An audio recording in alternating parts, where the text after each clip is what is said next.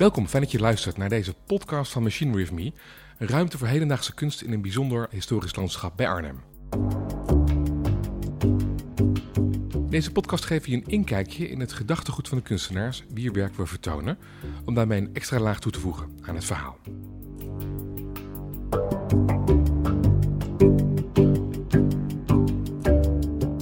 Mijn naam is Basti Barancini en in deze aflevering ga ik in gesprek met Lotte Geven. In onze ruimte is momenteel het werk Echo Chant te zien. Daarin legt ze met geluid een deel van de wereldgeschiedenis vast. Daarover vertelt ze jou zo direct meer. Het toeval wil dat de wereldgeschiedenis er ook voor zorgde dat haar werk in 2021 een paar keer werd uitgesteld. En daarom zijn we nu extra verguld het werk alsnog te kunnen laten zien. Lotte, hartelijk welkom. Dankjewel. Als ik zeg dat jouw werk te zien is, is dat dan de juiste kwalificatie? Ja, dat is een hele goede vraag. Aan de ene kant hebben we natuurlijk in de grote machinekamer het geluidswerk, wat vooral te horen is en te ervaren. En helemaal beneden in de, in de kelder uh, vind je het videowerk. En dat is echt meer een, een visueel uh, spektakel. Goed. Wat heb je gemaakt? Laten we daarmee beginnen. Um, in de grote ruimte um, zie en ervaar en hoor je een, uh, een geluidswerk. En daarin horen we verschillende vogels uit verschillende werelddelen. Op een aantal platenspelers? Op een aantal die platenspelers. zijn opgesteld, ja? Ja, dat klopt. Hoor je een aantal geluidsfragmenten? Ja, en daarin, uh, en als je goed luistert, uh, herken je daarin geluiden uit de recente wereldgeschiedenis. Uh, geluiden van protesten, waarin grote massa's op de straten kwamen, op, op pleinen, op straten, om uh, de stem van het volk te laten horen. En um, op de geluidsopnames van de, van de platenspelers horen we eigenlijk hoe de vogels uh, deze scanderende massa's overnamen in, het, in hun gezang en in hun klanken. Ja, zullen we dat met eentje beginnen? Gewoon om, om erin te komen, om te kijken wat het is, om te luisteren wat het is? Ja, dat is goed.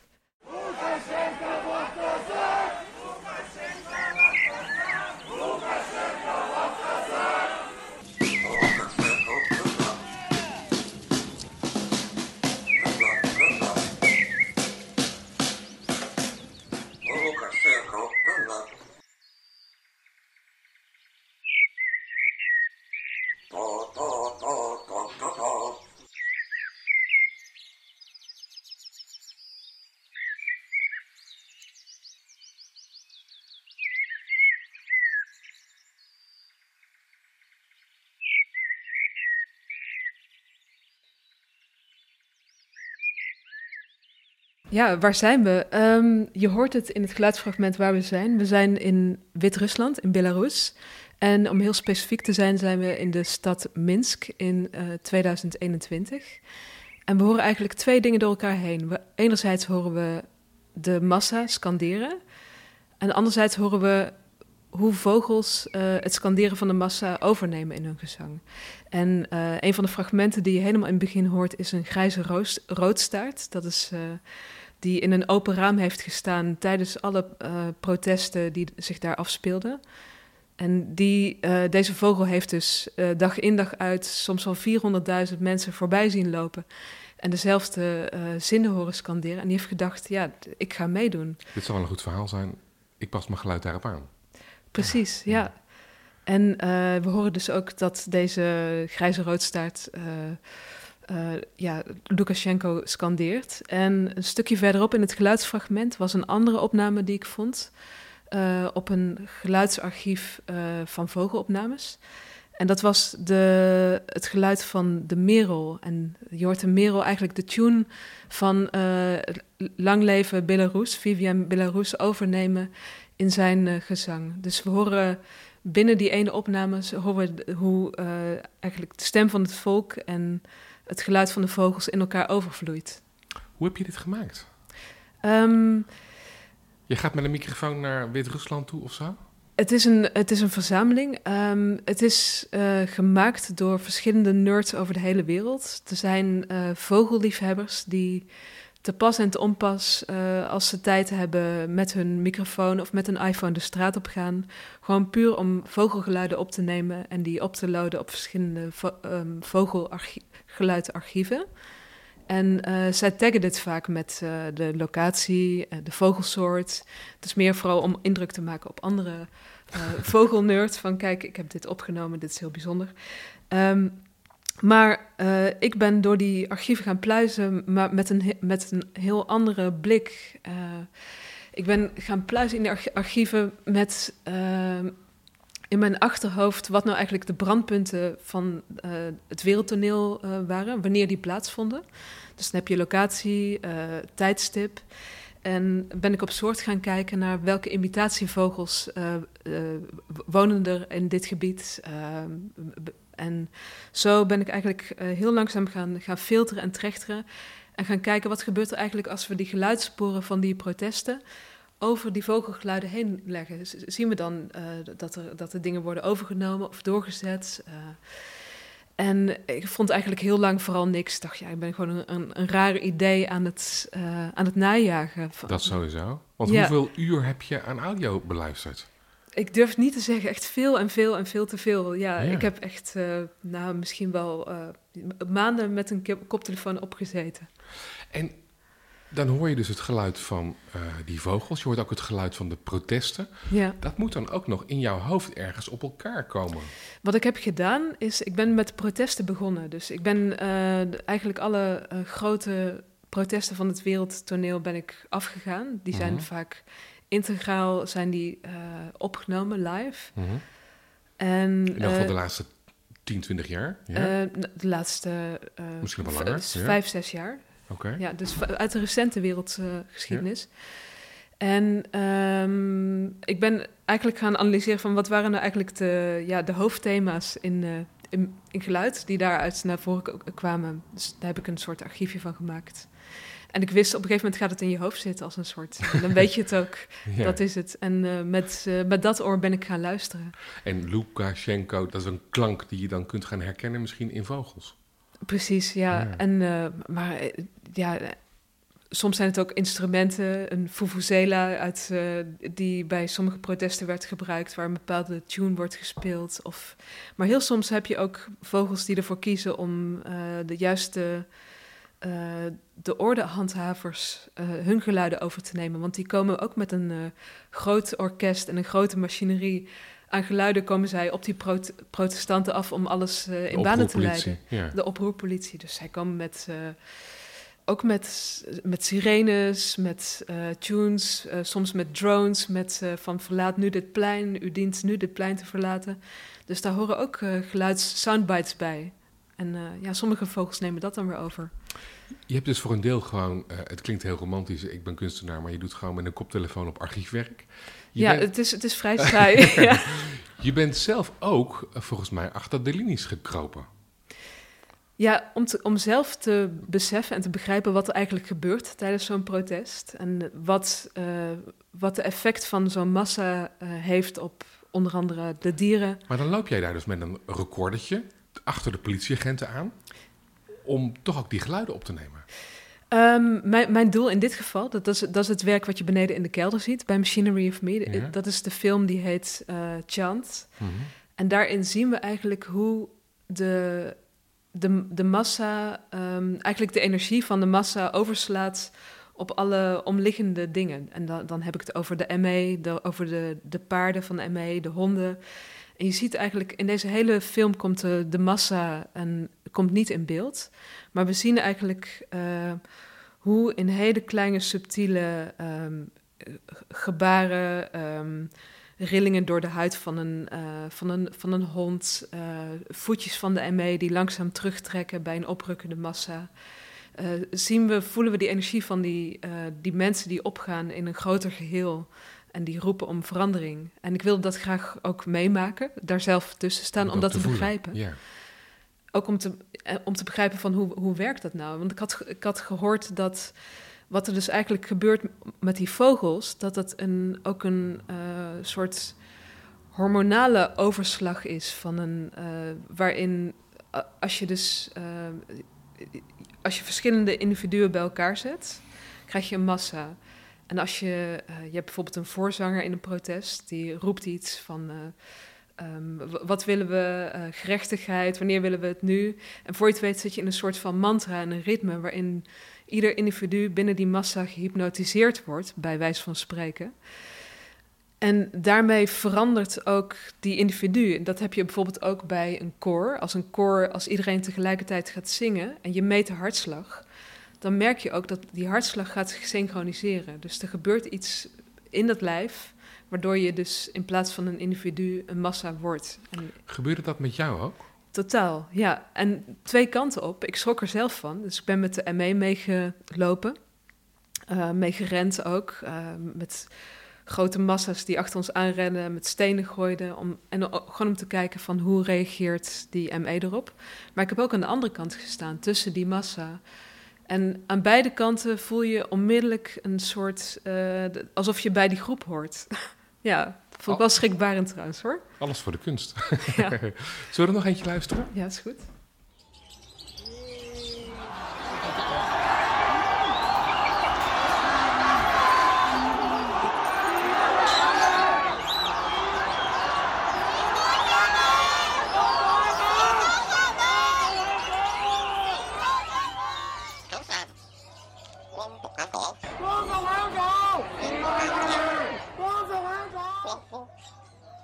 Ja, waar je hier eigenlijk naar luistert is uh, een opname uit, gewoon uit een vogelmarkt in Hongkong. En daar staan uh, de vogels, verschillende papegaaisoorten, staan dag in dag uit staan buiten te wachten tot ze gekocht worden in hokjes. En, uh, maar tegelijkertijd was één straat verder, waren die enorme protesten aan de gang, waar, waarvoor democratie in Hongkong dag en nacht werd geroepen. En uh, die geluidsfragmenten werden opgeslagen door die vogels en gescandeerd. Wat zegt het eigenlijk? Het zegt volgens mij dat, uh, dat we, ik weet niet zeker wat het zegt. Dat vraag ik mezelf ook af. Maar volgens mij heeft het iets te maken met als je iets vaak genoeg herhaalt, dat het, uh, um, dat het overgenomen wordt. Ten goede en ten slechte natuurlijk. Ja, want heb je daar ook een waardeoordeel bij?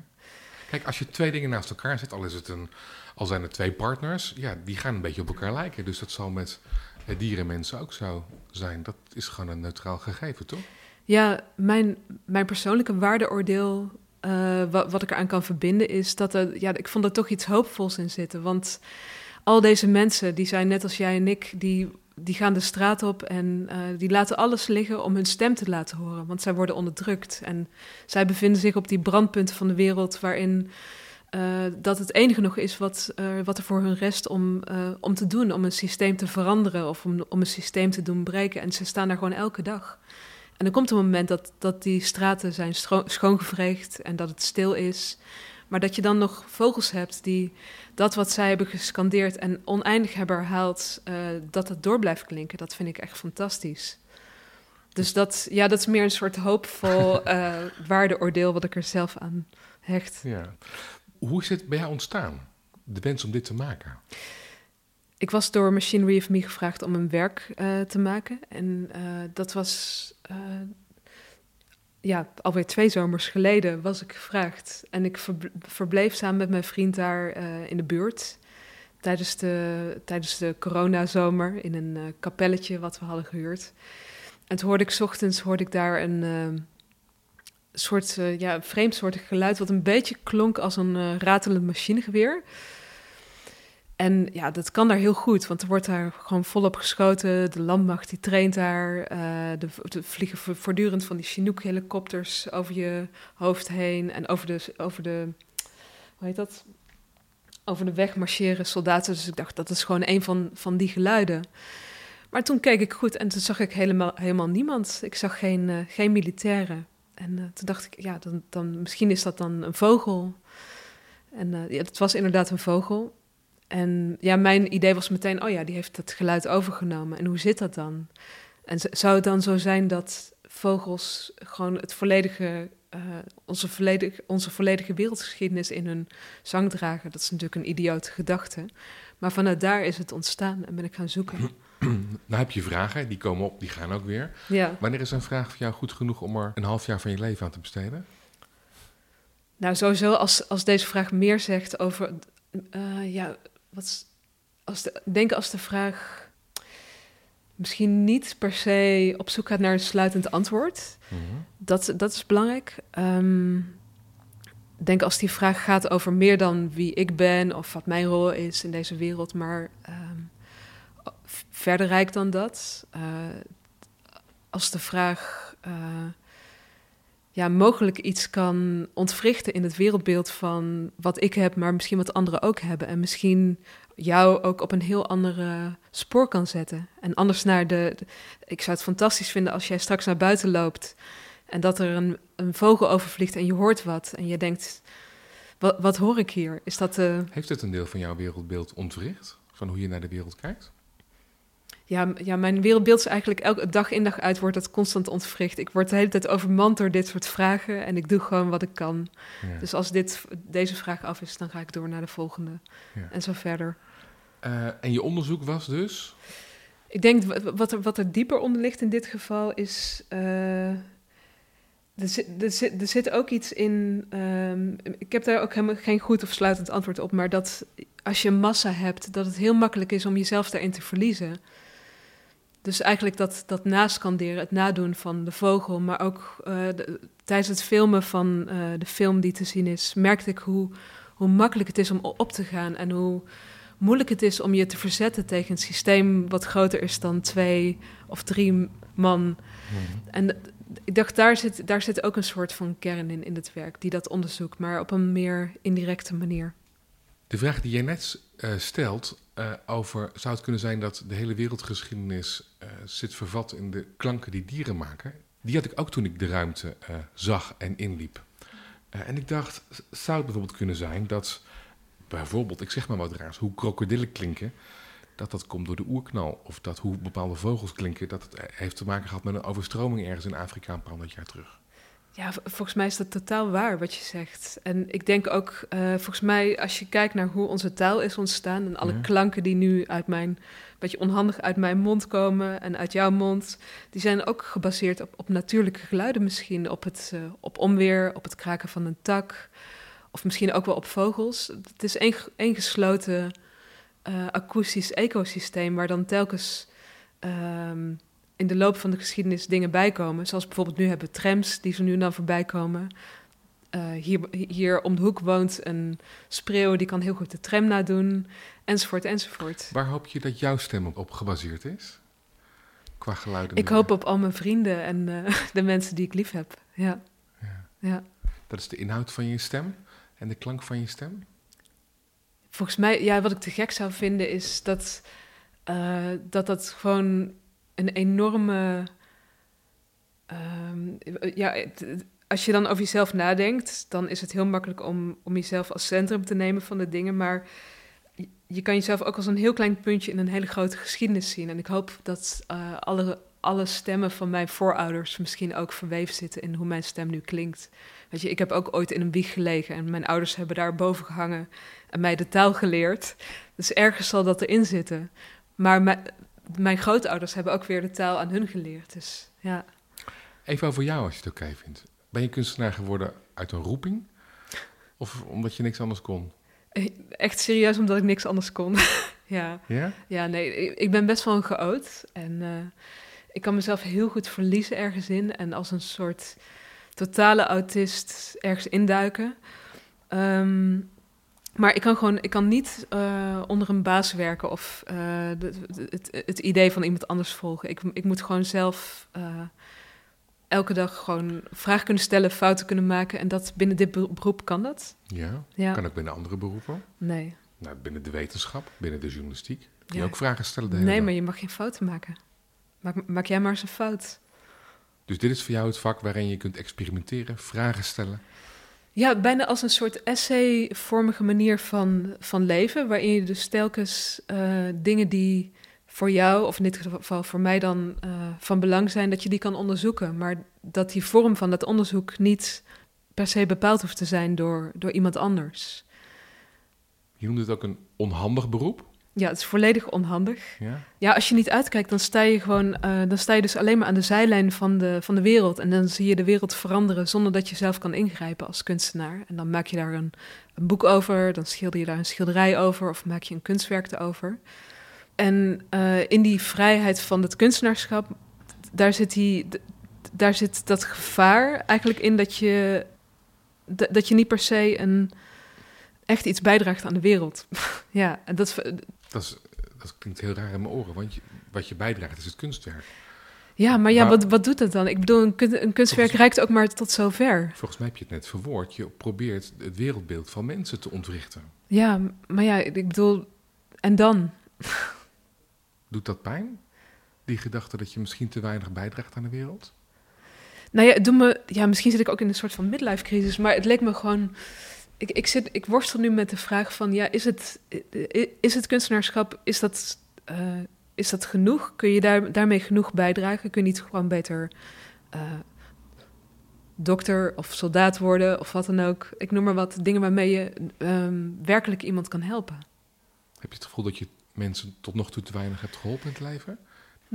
Ehm, niet per se, maar. eh, nee, nee, nee, nee dat, dat, dat niet. Maar het is meer volgens mij. Kijk, als kunstenaar heb je zo'n hele rare skillset. eh, k- krijg je eigenlijk door alle dingen die je doet. Dus bijvoorbeeld. Ik weet misschien. Ik heb net een heel boek over. Over, over tijd gelezen. Ik weet misschien nu meer over tijd dan, dan jij. Ehm, ik weet, eh, hier eh, aan de muur hangt een ehm, foto van een object wat over de oceaan drijft. Ik weet toevallig heel veel over hoe een oceaan beweegt. Maar dat is gewoon omdat ik me als een totale autist in al deze ideeën heb ver- verdiept. En volgens mij is het ook leuk om na te denken. En daar ben ik nu mee bezig. Ik ben er totaal niet uit. Maar hoe je die dingen in kan zetten om ook eh, daadwerkelijk iets, eh, iets bij te dragen. Wat is de rol van kunst voor jou in de samenleving? Ja, god. Wat. eh, Weet ik niet. Weet jij het? ik weet het echt niet. Ik hoop dat het, in ieder geval wat ik heel erg aantrekkelijk vind, is als, is als een kunstenaar me helpt om anders naar dingen te kijken. Ja. Ja, dat dat is te als dat lukt, heel, Ja. heel soms lukt dat. Dat dan niet zo heel vaak. Ja, heel soms lukt dat. En ik kan dat door een museum lopen en dan zie ik een paar honderd werken en dan is het bij één of twee is dat het geval. ja, En dan ben ik heel erg blij. ja, ja. Ja, nou, dat, dat, Vol- voldoet jouw kunst daaraan? Ja maar dat, dat, daar kan ik helemaal niks over zeggen. Dat ligt aan iemand anders. Dat kan iemand anders... Ja. Ik denk dat het over het algemeen lukt het niet. Maar ik denk één op de honderd keer lukt het wel.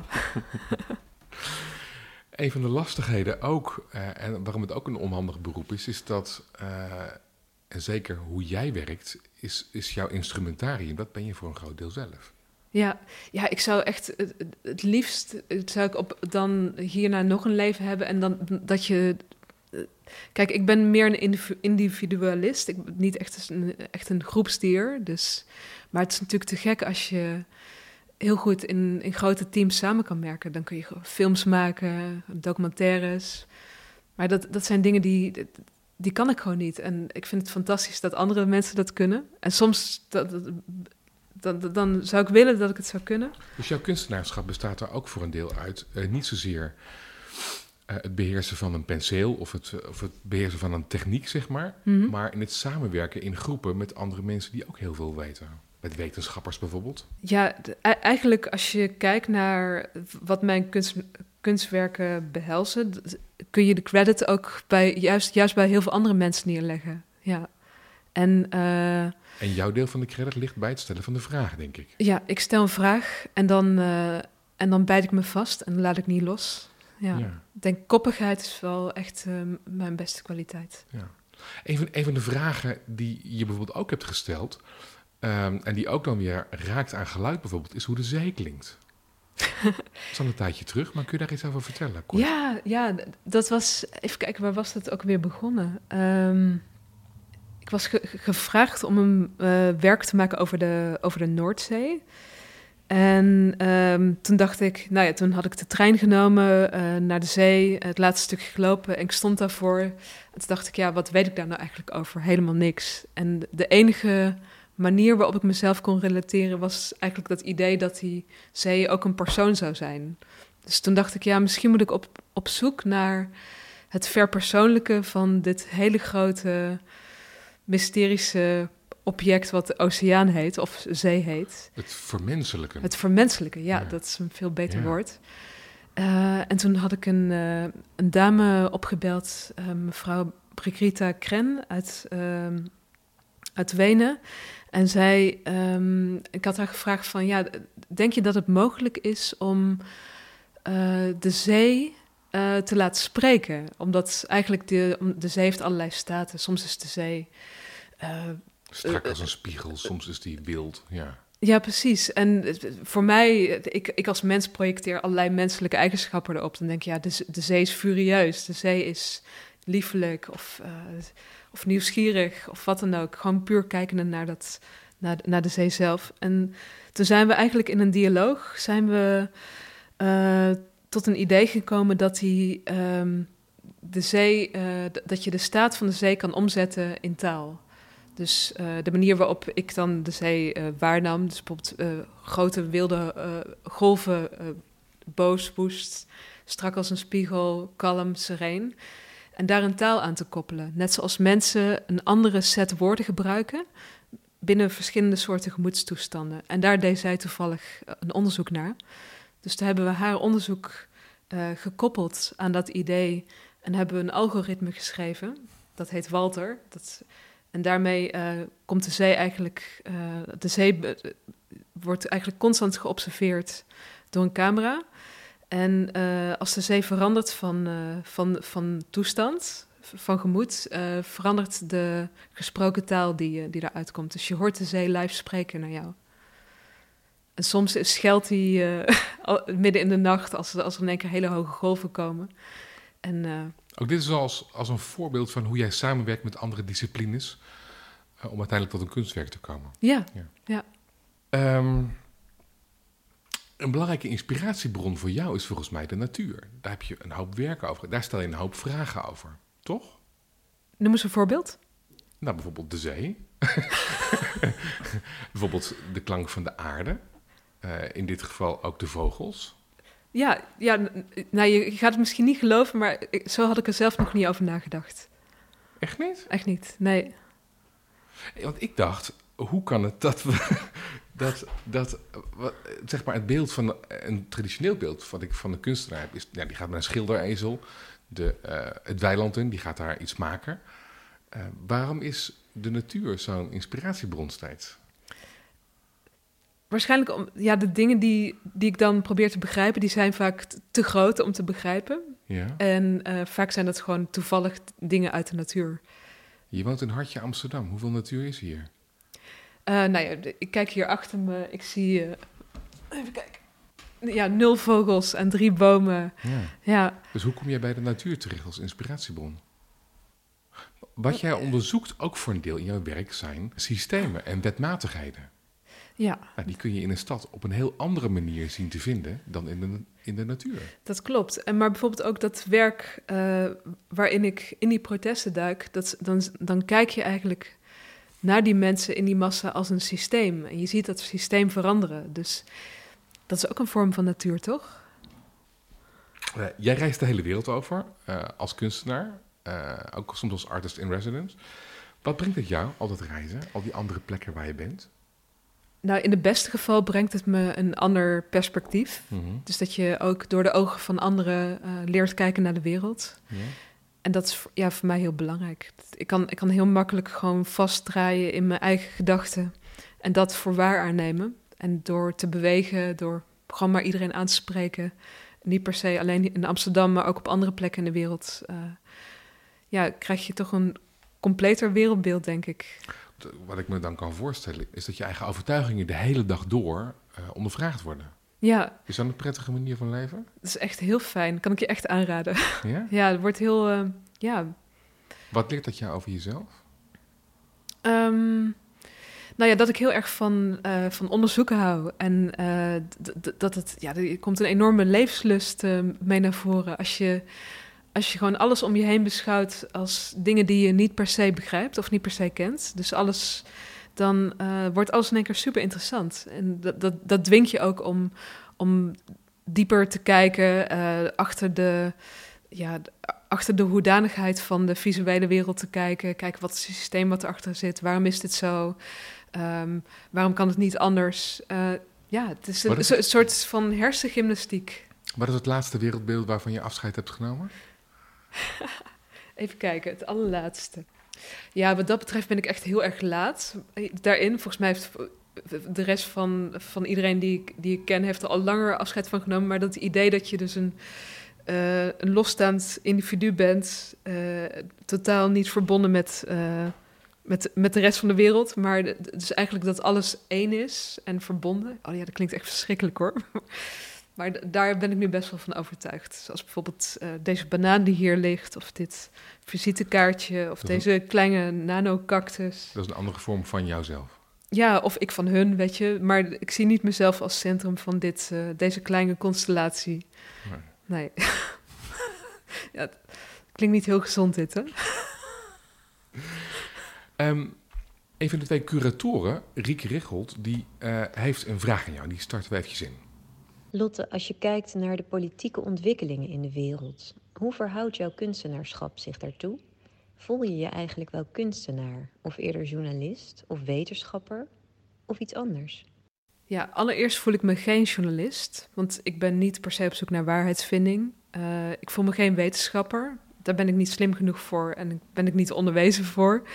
Um, voel ik me kunstenaar? Dat weet ik ook niet meer. Ik bedoel, als ik nu soms rondloop door, uh, als ik tentoonstelling bekijk uh, of naar openingen ga, dan denk ik, ja, hoor ik hier thuis? Ben ik dit? Maar tegelijkertijd weet ik dat heel veel andere kunstenaars er ook mee worstelen. Twijfel je aan de kunstwereld of twijfel je aan je eigen kunstenaarschap? Ja, volgens mij twijfel ik vandaag de dag aan alles, maar vooral ook aan, ja... Ik... Welk deel van het kunstenaarschap past je niet meer? Ik hou niet van de rituelen die erbij horen. Ik hou niet van de openingen, het uh, op zoek gaan naar uh, erkenning, uh, het moeten verkopen van dingen. Um... Maar dat is toch niet de kern van het maken?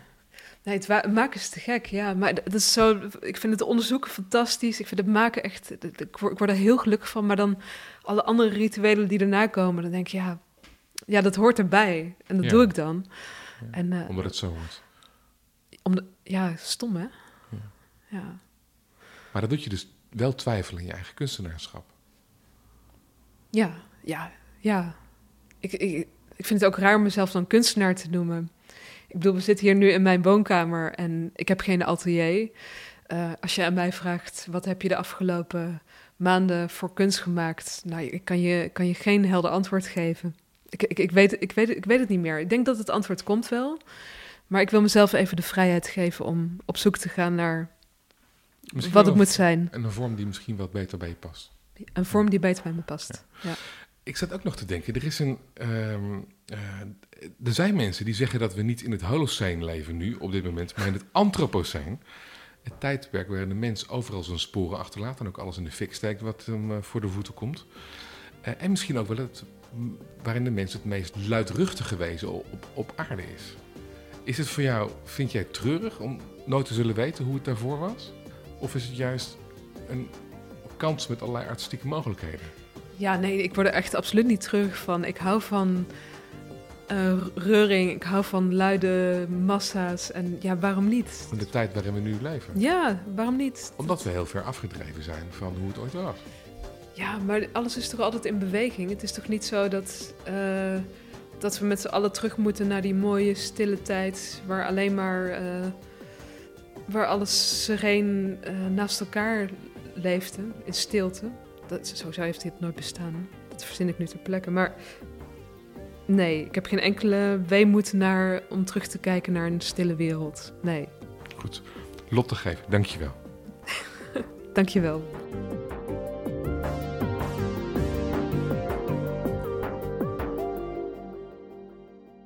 Dankjewel dat je luisterde naar dit gesprek met Lotte Geven. Meer over haar werk vind je op machineryofme.nl. Als je op de hoogte wil blijven van volgende kunstenaars die bij ons exposeren, abonneer je dan op deze podcast in je favoriete podcast-app. Of abonneer je op onze e-mail nieuwsbrief via de site van Machinery of Me. In de show notes staat een linkje. Tot gauw.